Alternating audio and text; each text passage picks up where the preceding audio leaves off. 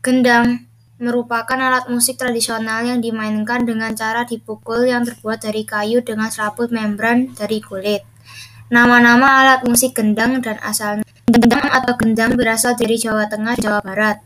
Gendang Melayu berasal dari Sumatera Utara dan Riau. Gendang panjang berasal dari Kepulauan Riau. Gendang oku berasal dari Sumatera Selatan.